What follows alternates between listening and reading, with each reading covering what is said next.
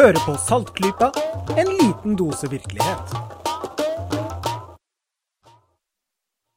Vi er endelig tilbake etter en eh, Jeg vet ikke om det er velfortjent sommerferie, men det er i hvert fall en sommerferie. Veldig deilig eh, både å ha hatt den og være tilbake igjen. Eh, vi er kommet til Saltklypa episode 148. I dag er det blitt allerede den 30. august 2017. Jeg heter Kristin, og jeg har med meg i kveld Bendik. Jeg er her som jeg ofte er. Ofte er. Det er fantastisk å høre. Og Jørgen er altså med. Ja, som så ofte jeg også. Kult. Og sist, men eh, ikke minst, har vi Lisha. Ja, jeg også er her ofte.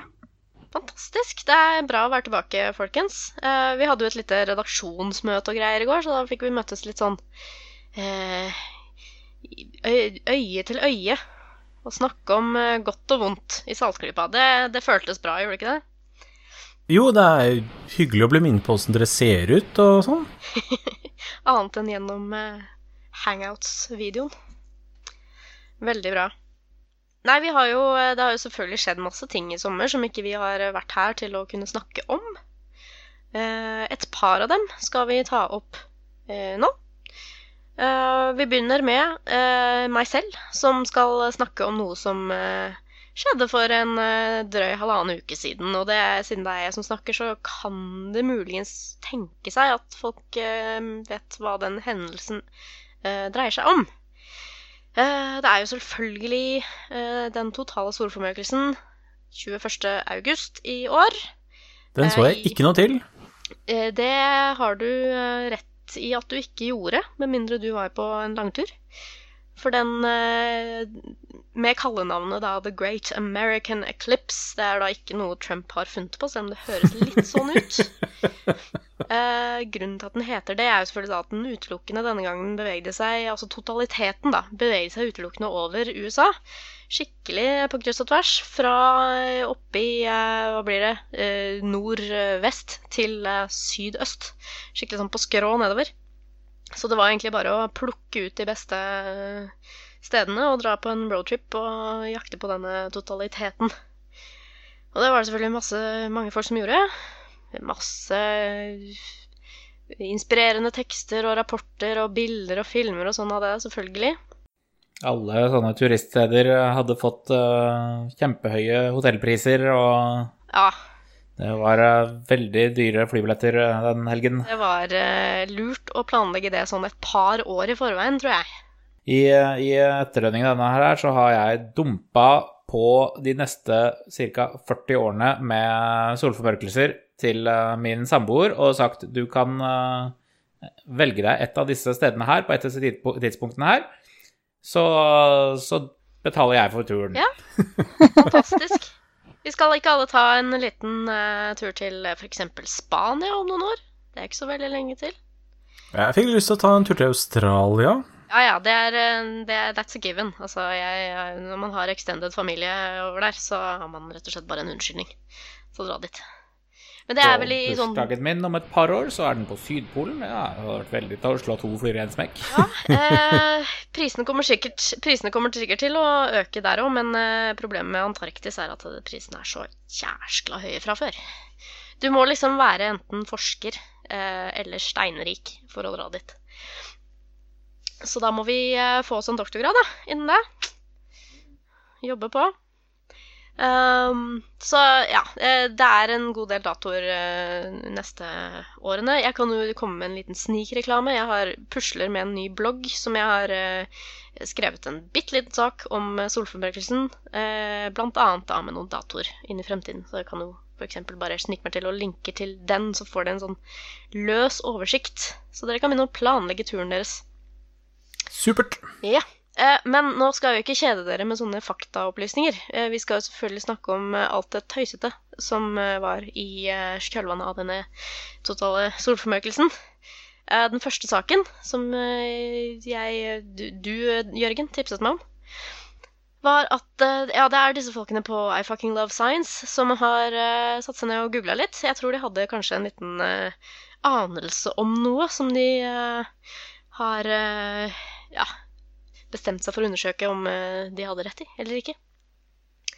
Og så har de da kjørt en eh, liten test av denne anelsen, og det viser seg at eh, de har sett på sånne Google-statistikk, vet du. Eh, sånn omtrent dagen etter solformørkelsen søkte de på et par eh, fraser. Og eh, du og du, som det stemte. Det dreier seg om folk som da eh, har søkt på Google eksempel Eclipse headache. Sånn dagen etter solformørkelsen. Uh, eyes hurt. Uh, looking at sun. Eller for eksempel eh, I looked at the sun. Uh, og det dreier seg selvfølgelig da om eh, det som Det er mest informasjon av alt i hele verden, tror jeg, eh, i forkant av en sånn solformørkelse. Det må jo være det, denne advarselen om at man ikke skal se direkte på sola uten tilstrekkelig godkjent beskyttelse. Ordentlige solformørkelsesbriller. Det, er, det slår jo tydeligvis da ikke feil. Det er folk som ikke gjør det. De tenker seg men det trenger ikke jeg. Og så, og så har de da i ettertid kanskje angra litt på det, da. Eh, Det kan i hvert fall se sånn ut hvis man ser Google er jo en ganske kraftig sånn samfunnsanalysemaskin, sånn sett. Eh, Du får ganske bra data der. Mm. Eh, I tillegg til, eh, til dette så har da folk søkt på, i tilfelle de kanskje tror at de klarer seg fint, så har de googlet 'I looked at the sun for a few seconds'. Kanskje de trodde kanskje at det, det kanskje ikke er så farlig, eller kanskje det er farlig likevel. Lurer på om kanskje Donald Trump er en av de som søkte på det? Eh, Ja, det er et eh, berømt eh, lite sånn øyeblikksbilde av at han liksom myser opp der uten noen briller. Det er selvfølgelig et ganske velplassert bilde. Han tok jo på seg briller etterpå, men allikevel, det er litt sånn Vi som liker å hate visse folk, vi, vi syns at det var et bra bilde, da. Kanskje. Ja. Nei, det var bare en eh, morsom liten sak eh, som eh, er litt sånn eh, En liten sånn både humoristisk og litt sånn trist eh, måte å liksom eh, krydre din mistro til menneskeheten litt ekstra. Men det er en liten påminner om eh, dette med eh, masse data og hvordan det kan brukes til å analysere ting. Her er det litt sånn morsomt. Sånn hvor mange fikk ikke med seg beskjeden at du skal ikke eh, kikke på sola, eller hvor mange dreit i den advarselen. Ja. Men man har jo, dette tror jeg vi har snakka om før, at man har eh, brukt eh, sånne Google-søk til å spore epidemier før man ser dem på andre måter. At rett og slett at folk eh, googler symptomer. At det gjør at man kan fange opp epidemier som er i ferd med å spre seg fortere enn man klarer med tradisjonelle metoder. Altså sånn som, Sånne verktøy som Google gjør jo menneskeheten til en sånn eh, En sånn derre hive mind, som det heter på engelsk. da, altså En sånn skikkelig sånn svær kollektiv bevissthet. Eh, hvor bare ideer og fenomener og tanker bare sprer seg sånn med internettets hastighet, på en måte. Så kan du bare logge deg inn da, og se på hva, hva tenker menneskeheten på akkurat nå. Hva gjør de akkurat nå? Det er egentlig ganske Det er oppsiktsvekkende og kult Mm. at den, Google kan i første omgang faktisk brukes til sånt. Og litt skremmende. Ja, litt skremmende. Eh, nok om det. Eh, noe som er liksom litt mer eh, underholdende, men kanskje enda litt mer sånn Hvorfor? Hvorfor?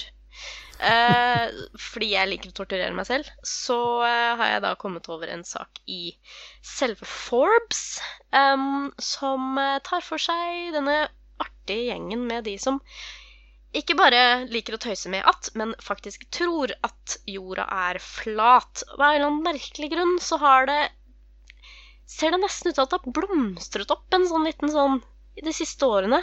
En sånn liten gruppe av mennesker som faktisk kjører hardt på det, altså. Mhm. Eh, veldig interessant. Fascinerende. Eh, håper ikke det er så fryktelig mange. Det er nok ikke det. Men de, eh, de, de, er, eh, de liker å lage YouTube-videoer og sånn, da. Så jeg tror ikke de står i fare for å villede menneskeheten noe særlig med sine meninger, men eh, man vet aldri sånn i 2017, denne tidsholderen med litt sånn flytende fakta som vi er inne i nå.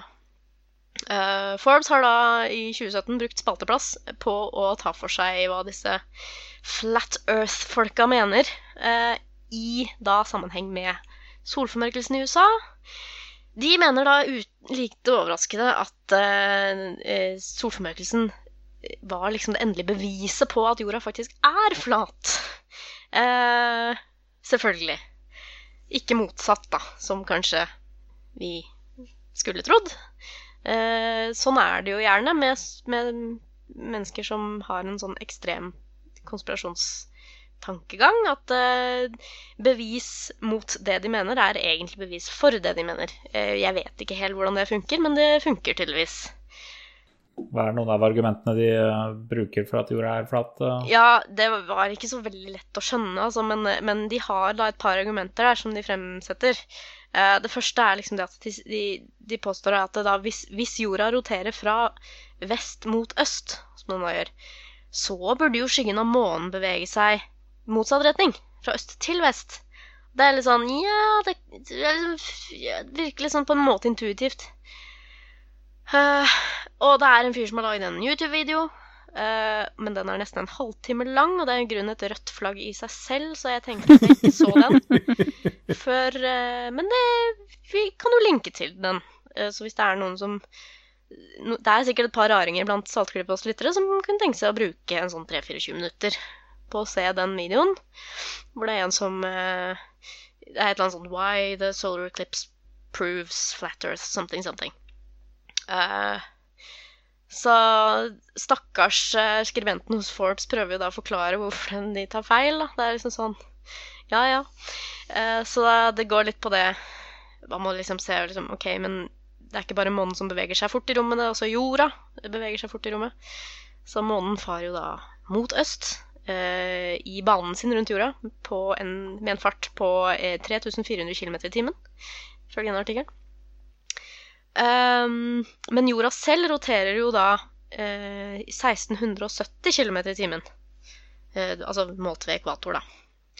Så da må vi trekke fra det å få en sånn relativ bevegelse i månen, da. Og den relative bevegelsen er jo fremdeles eh, fra eh, I den samme retningen. Den blir jo ikke i motsatt retning. Så sammenligner det da med en bil som kjører på veien.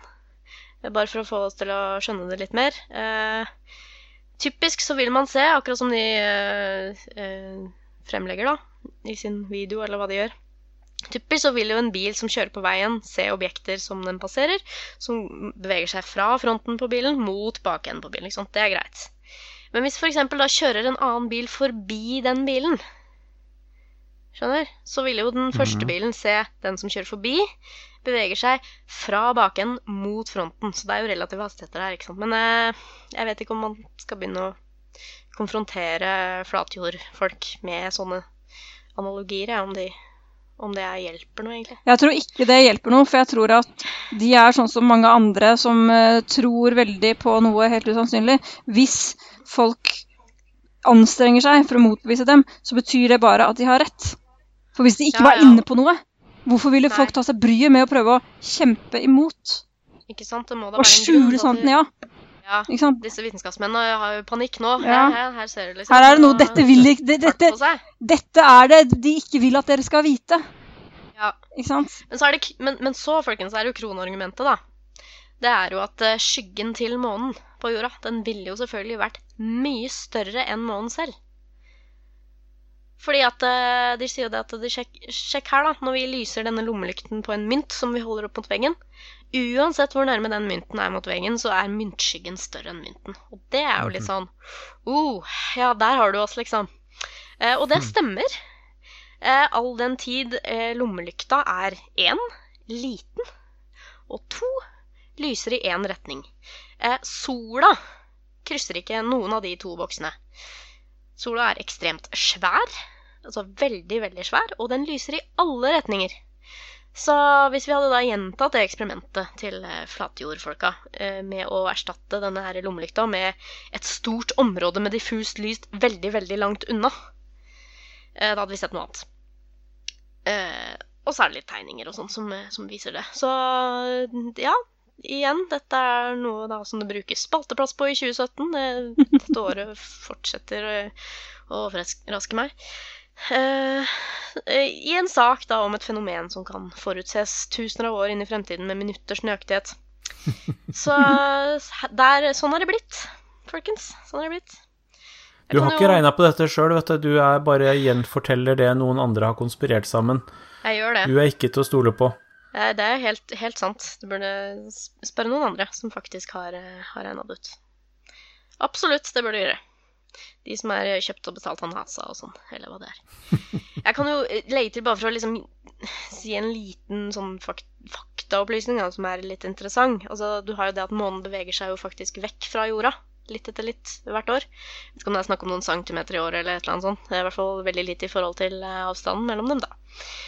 Eh, og man vil jo da eh, tenke seg at en eller annen gang i fremtiden så vil jo faktisk månen være så langt unna jorda at skyggen eh, Skyggen i en solformørkelse ikke vil kunne framkalle en total formørking, da. Mm. Og hvor langt inn i fremtiden er det? Tenker liksom, å, Flere centimeter år, det vil jo skje liksom kanskje om noen hundre år eller sånn. Nei, det er faktisk 600 millioner år inn i fremtiden, så eh, ja. Vi har noen eh, Vi kan planlegge noen flere turer til å se total solformørkelse. Og det er jaggu noe jeg skal få med meg, altså. Har ikke gjort det ennå. Åh, men det er så prioritert. Det er priori mer prioritert enn de fleste andre ting fremover. Det bør det være hos dere andre òg, altså.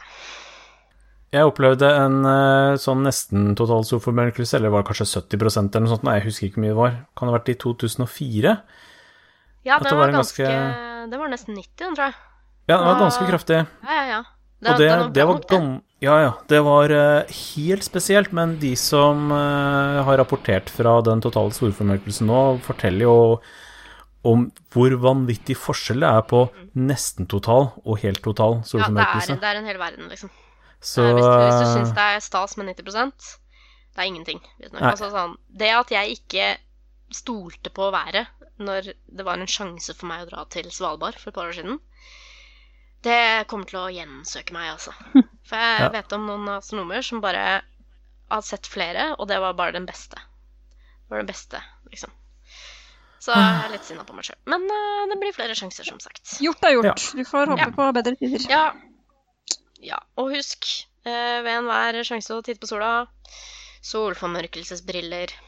CD-plater er ikke nok solformørkelsesbriller. Du kan bruke sveiseglass, men det må være et spesielt nummer osv. Du må ja, bruk godkjente Ja. briller. godkjente greier. Men eh, dere har noen år på dere, som sagt.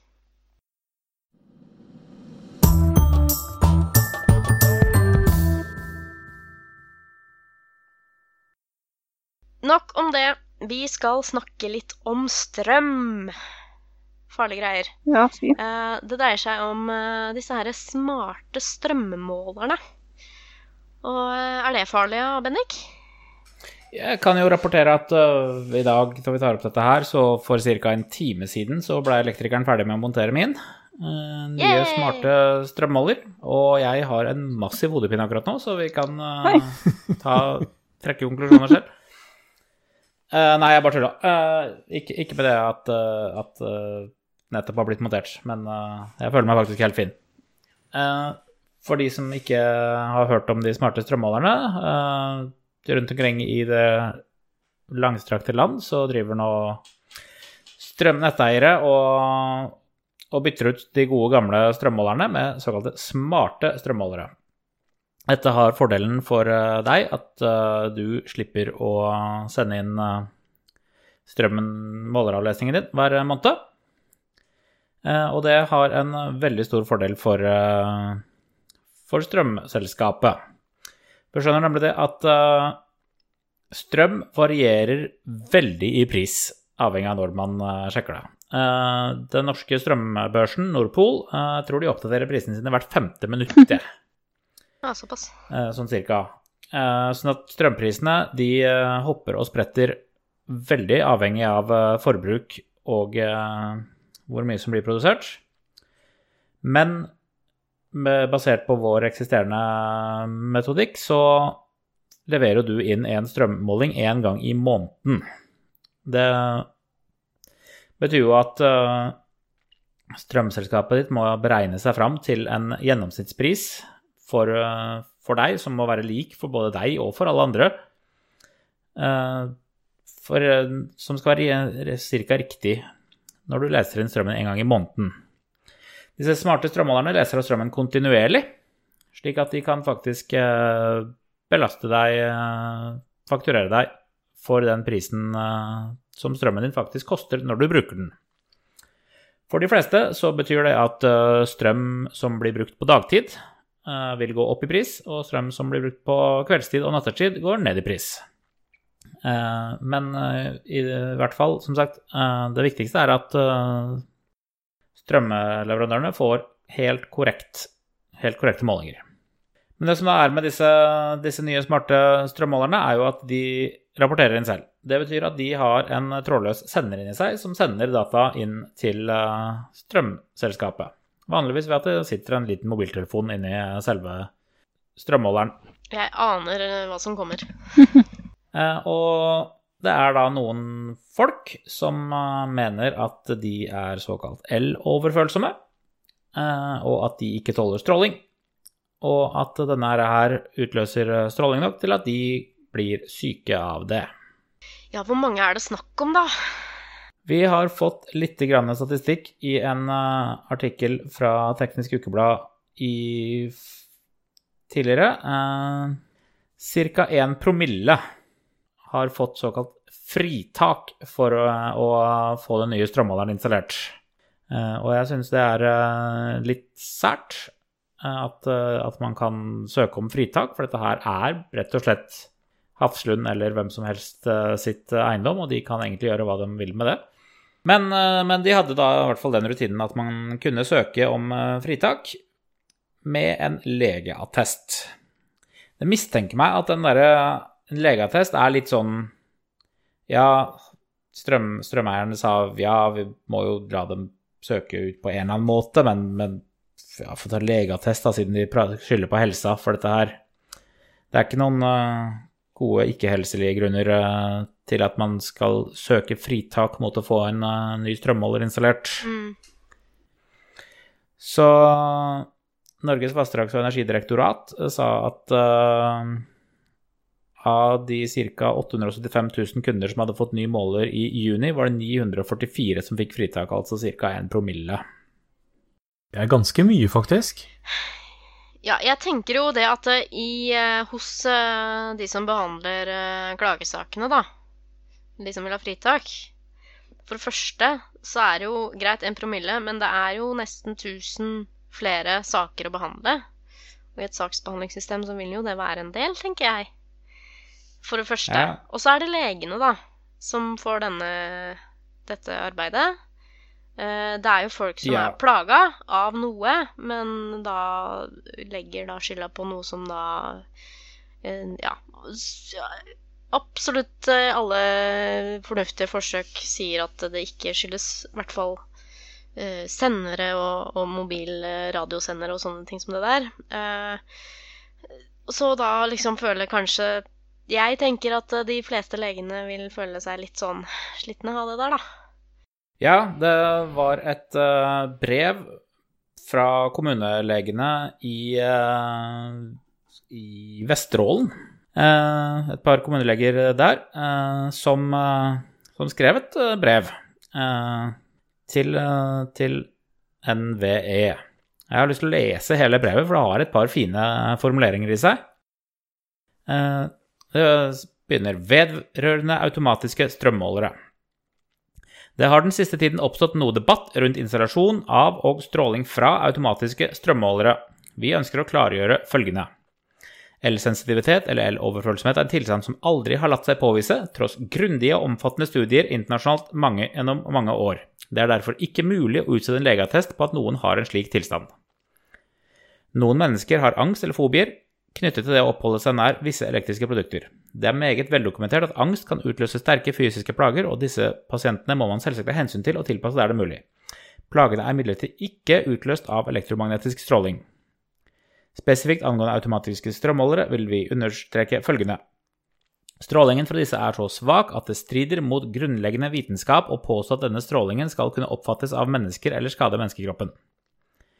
Vi er kjent med at de fleste norske nettselskaper, inkludert våre tre regionale, har gått ut og bedt om legeerklæring for at kunder skal slippe installasjon av AMS.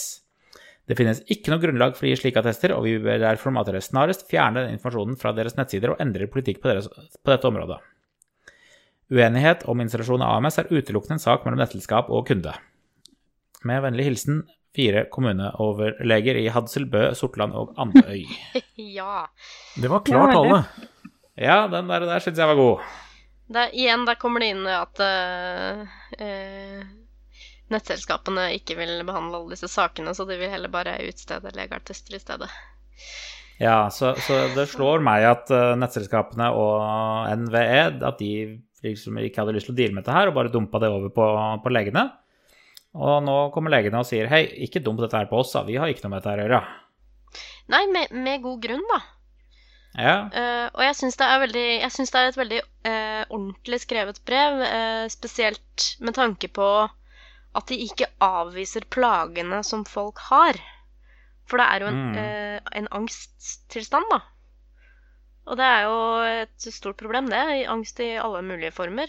Det er absolutt et stort problem, men da gjør disse legene det helt riktige. For én ting som virkelig gjelder med sånne situasjoner, det er at du ikke støtter de vrangforestillingene. Ved å f.eks. gi en legeattest.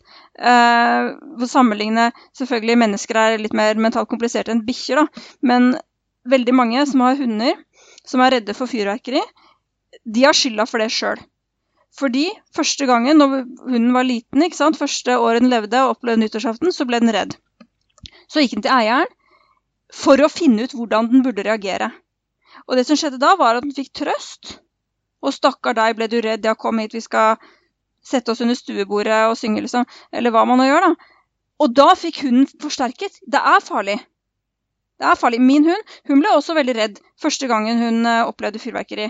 Men vi overså henne oppførte oss helt som vanlig, lot som ingenting. Etter det så var hun aldri redd. For det, den, det hun fikk vite, var at det er ikke noe å være redd for. Så å drive og Og hvis noen da er oppskremt over f.eks. at det kommer en eller annen eh, kilde til mini, mini, minimal stråling inn i nærmiljøet, så er ikke løsningen å støtte opp under den frykten ved at legen skal late som om dette er en diagnose, for jeg nekter å tro at det finnes leger her i landet som med god samvittighet kan skrive ut dette og mene at det virkelig er en diagnose. Du, du bare jeg håper å si, eh, å jatte med pasienten på den måten, det kan bare gjøre det verre. nå har jo vi kritisert den norske legestanden et par ganger nettopp for det, at det er kan, at det kan være rett og slett for lett å få en diagnose fra fastlegen sin i, eh, i Norge. Mm. At uh, Ja. når, når man går til legen, så går man liksom dit med den, eh, med den eh, formål å få seg en diagnose, og så har ikke legen lyst til å skuffe Ja, deg De kan sikkert gjøre det jeg mot bedre vitende, men da gjør de det virkelig mot bedre vitende. Eller for å bli kvitt den personen, rett og slett. Så eh, spørsmålet her er da eh, Det store gullmedaljespørsmålet er eh, hvem i den saken her, hvem er det da som er den ansvarlige hundeeieren?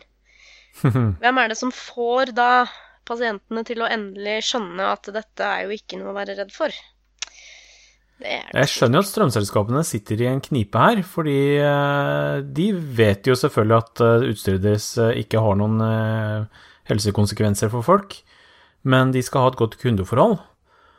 Mm. og, og de kommer jo og pålegger noe, noe som da påfører disse kundene som har denne frykten, et ubehag. Så det er klart at de ikke har lyst til å ta i den saken og bare si OK, hands off, jeg toer mine hender, det er ikke min sak. Jeg skjønner at de gjør det på den måten, men eh, Det er vel egentlig hos strømselskapene at denne saken burde vært løst, tenker jeg. Burde de eh, komme og ikke nevne hei, hvordan denne strømmåleren funker? Jeg vet ikke. Holde tilbake informasjon. Nei, det er litt vanskelig, fordi det er bare det faktum at det er blitt rulla ut eh, over hele nasjonen i løpet av ganske kort tid, er jo en sånn Det føles jo invaderende for mange. Det er overformynderi, oppleves det som. Det er jo et poeng, det òg, da. Eh, og liksom, det kommer noen og skal inn i leiligheten din og installere noe helt nytt du ikke helt skjønner hva er, og som skal innrapportere trådløst uten at du vet om det, og jeg skjønner jo at en del reagerer på det. Eh, jeg er såpass eh, teknologisk innsatt i det at jeg har ingen problemer med det, fra et helseperspektiv.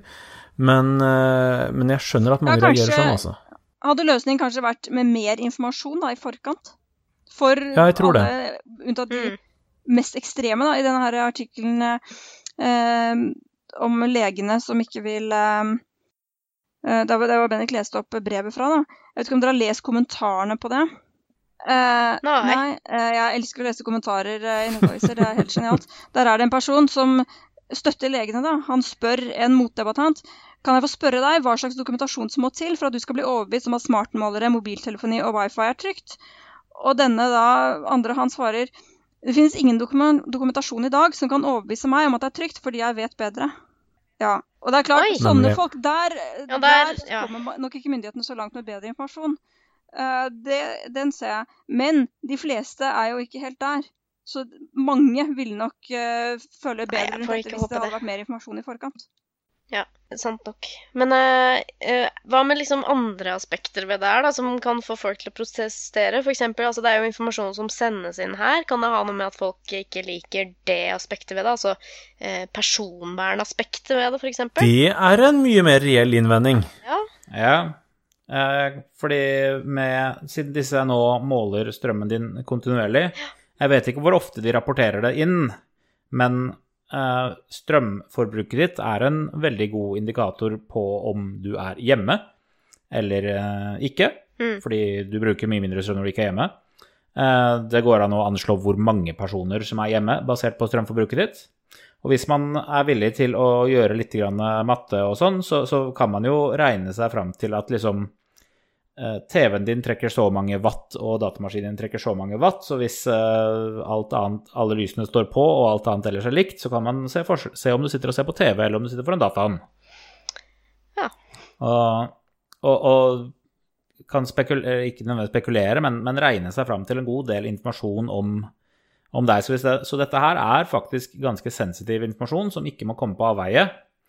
Og hvis da disse strømmålerne ikke er sikret skikkelig, det har jeg ingen indikasjon på om de verken er eller ikke er enda, eh, så, så er det visst så er dette god informasjon å ha, for hvis noen har lyst til å skade deg eller finne ut om du er hjemme eller ikke, eller eh, bryte seg inn eller tilsvarende. Kanskje finne om det er noe, eh, Mm. noe rytme eller hva man skal si, i når du er og ikke er hjemme, f.eks. Følge med i en måneds tid og se Ja. at uh, hverdager Eh. så er du ikke hjemme på følgende tidspunkter, f.eks.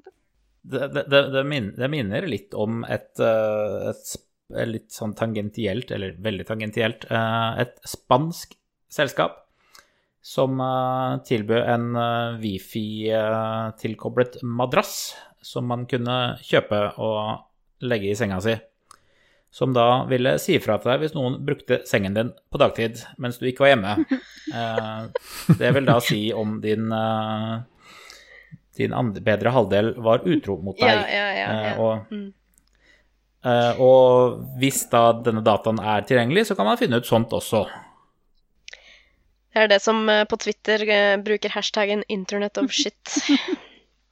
Mm. Det er så mye tull. Men uh, gå tilbake til eh, strømmålerne da, og overvåking og sånn. Det er jo det som er så bra med disse her smarthustilbehørene som kommer nå. Med f.eks. Philips Hue og sånne smarte lyspærer som er kobla til uh, wifi. Der går det an å programmere dem så de bare slår seg av på helt random, f.eks. Uh, hvis du er på ferie. Det er ikke så veldig praktisk når du er hjemme, da. Ja, så kan de plutselig slå seg på klokken fem, og neste dag kanskje de slår seg på klokka syv. Eh, ja. Når, eh, når vi var eh, yngre og skulle dra på ferie, så plugga mamma alltid inn en sånn der timer på lysene våre, som bare plugga inn rett inn i stikkontakten. Som da slo lysene på klokken fem og av klokken tolv, sånn at det skulle se ut for innbrudd- innbruddstyver om at vi var hjemme, ved at lysene slo seg av og på. Jeg var aldri helt overbevist om at det var en effektiv uh, sak, altså. Det er derfor uh, tilfeldige tidspunkter kanskje er litt smartere. Hvem vet? Mm. Men altså, disse målerne skal jo nå også kunne kobles til uh, andre ting, sånn at du kan kjøre apparater som krever mye strøm, f.eks. vaskemaskiner og oppvaskmaskiner når strømmen er som billigst og det er minst press på nettet. Og det er en fordel både for deg som forbruker og for nettleverandøren din, at det gjøres på den måten. Men da begynner du å få integrert ganske store deler av livet ditt i denne boksen som sender trådløs informasjon, og du vet ikke helt om noen har mulighet til å hacke inn på systemet. Pluss at uh, brannvesenet er sterk, sterke motstandere av å kjøre sånne apparater om natta. Selv om uh, Ja. jeg har timer på vaskemaskinen min, jeg har kjørt den før jeg står opp. Det gjør jeg. Jeg er, uh, jeg er en rebell. Ja, så, ja, så, så, så NVE og eh, strømleverandørene vil jo ved hjelp av dette prøve å gjøre folk mer obs på at strøm faktisk har forskjellig pris til forskjellige tider av døgnet. Mm. Og prøve å, å få spredt ut. Kanskje, kanskje noen personer kan eh, begynne å kjøre vasken sin på kvelden i stedet for midt på dagen. Så blir det mindre pågang på hele strømnettet, og også billigere for den personen. Ja, nettleien også for kundene vil, uh, vil gå ned. Ja, eh, men da kan du støtte på sånne problemer som, som det som at brannvesenet sier, at eh, helst ikke kjør den eh, når man ikke er våken. Vi i Norge er jo et ganske strømhappy land. Eller vi, vi får jo strømmen vår produsert uh, helt grønt med, med vannkraft. Ja. Og vi lever i et land hvor eh, strømnettet vårt er ganske stabilt. Vi opplever ikke strømbrudd særlig ofte, og, og strøm er generelt ganske billig i Norge også, i forhold til eh, andre land i verden. Så vi, vi har det ganske bra, men, men på denne måten så kan strømselskapene være med å, å gjøre oss litt mer obs på at strøm faktisk har en kostnad, og at eh, det har infrastruktur, og infrastrukturen har en makskapasitet, og litt sånne småting som det. Mm. Ja, men hva blir konklusjonen? At uh, vi må finne ut hvem som er denne hundeeieren, da. Som skal få uh, Som skal få 944 Ja. mennesker til å slutte å bekymre seg. Hadde vi funnet det her på Saltklypa, så hadde vi Og heller få dem til å bekymre seg om noe helt annet, knyttet til samme gjenstand. Ja, for det er jo alltid et problem som må løses. Og det er jo opp til hver enkelt person. Jeg syns det må være så mye bedre å kunne finne ut hva som egentlig er feil. Det vil jo være i alles mm. interesse. Det er jo som de sier her, da, eh, disse folkene fra fra Helo, at eh, altså, det er folk som får plager, og de blir så fortvila, og de vil jo finne ut hvorfor det skjer. Uh, og så liksom begynner man etter hvert å tenke på kanskje det kan være stråling, for det har jeg hørt om. Uh, og da liksom Og da kanskje det baller på seg, da, at en, etter at de er klar over at det kan være det, så begynner de å se mønstre, de begynner å bli plaga av det, og så begynner de å plage, bli, altså bli plaga mer, og så ja. Så det er en sånn, det er en sånn grense som nås. Men eh, ja, det jeg vet ikke. Det er også et spørsmål om eh, valgfrihet, og det er, spørsmål, altså, det er så mange Det er overraskende mange så, så Nå som jeg har snakka om den saken her, så er det flere, flere aspekter enn jeg trodde i den saken her. Det er saksbehandlere, og det er uh, hverdagsfolk, og det er personvern, og det er brannvesen, og det er oss som sitter her og snakker om det, og det er liksom Men skal vi si at uh, vi har konkludert med at uh, det er uh, Hva har vi konkludert med? Det er fælt. Det er en veldig enkel sak som vi har gjort veldig kompleks. Ja. Det er sånn vi pleier å gjøre det. Det er sånn vi pleier å gjøre. det. Jeg skal i hvert fall fra og med i dag følge nøye med på om jeg får Ja, hodepine vi eller venter, ikke. forventer oss tilbake med Det er bra. Du er datapunktet vårt, Bendik.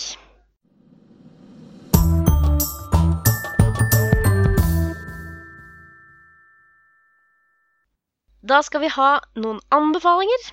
Jeg vil gjerne begynne, for jeg ser i min anbefaling står øverst på vår lille jukselapp her. Um, vi har eh, anbefalt uh, den lille foreningen Eureka før. De har startet opp igjen og skal ha eh, arrangement.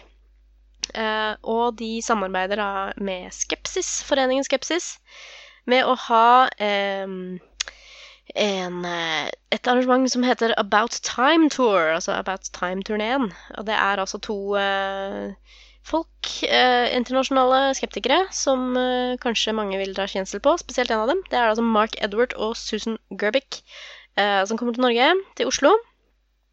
Mark Edward har vi snakket, om, eh, snakket med i Saltgruppa før. Det var i episode 104. Av en merkelig grunn så er det hele to år siden nesten. Det syns jeg var litt for lenge, men uh, var nå det. Han var i Oslo en gang før, og vi snakket med han.